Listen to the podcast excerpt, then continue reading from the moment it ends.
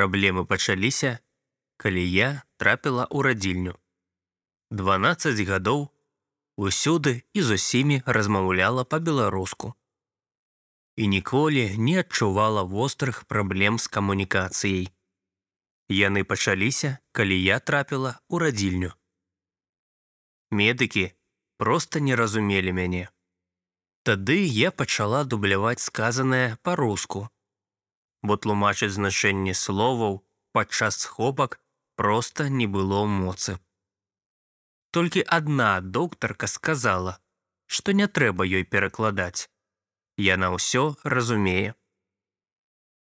А потым панеслася. Дзіцячыя дактары, дзяржаўныя установы, куды звярталася па дакументы, фактычна звялі маю беларускую да аднаго слова. Дзякуй. Аднойчы, калі напісала ад рукі на дакуменце, вядома, выдадзеным на рускай мове, што атрымала неабходныя паперы на рукі, трапіла на заўвагу, маўляў, бланк аформлены па-руску, таму і пісаць трэба на рускай мове.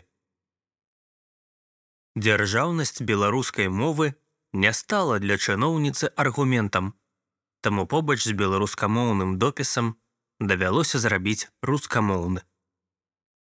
Гэта было ва ўпраўленні занятасці мінгарвыканкама. Дакараю сябе ўвесь час, што не хапае моцы адстойваць да канца сваю моўную пазіцыю. Але самае кепскае, што раз дасі слабіну і ўсё зацягвае.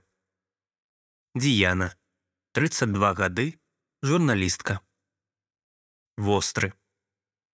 Часам кажуць, што ў чалавека востры розум. Ці можа быць востры розум у таго, хто забыў, не вывучыў або адмовіўся ад роднай мовы. Хутчэй наадварот. Сцвярджаць нічога тут нельга. Гэта пытанне для філосафаў і неўролагаў.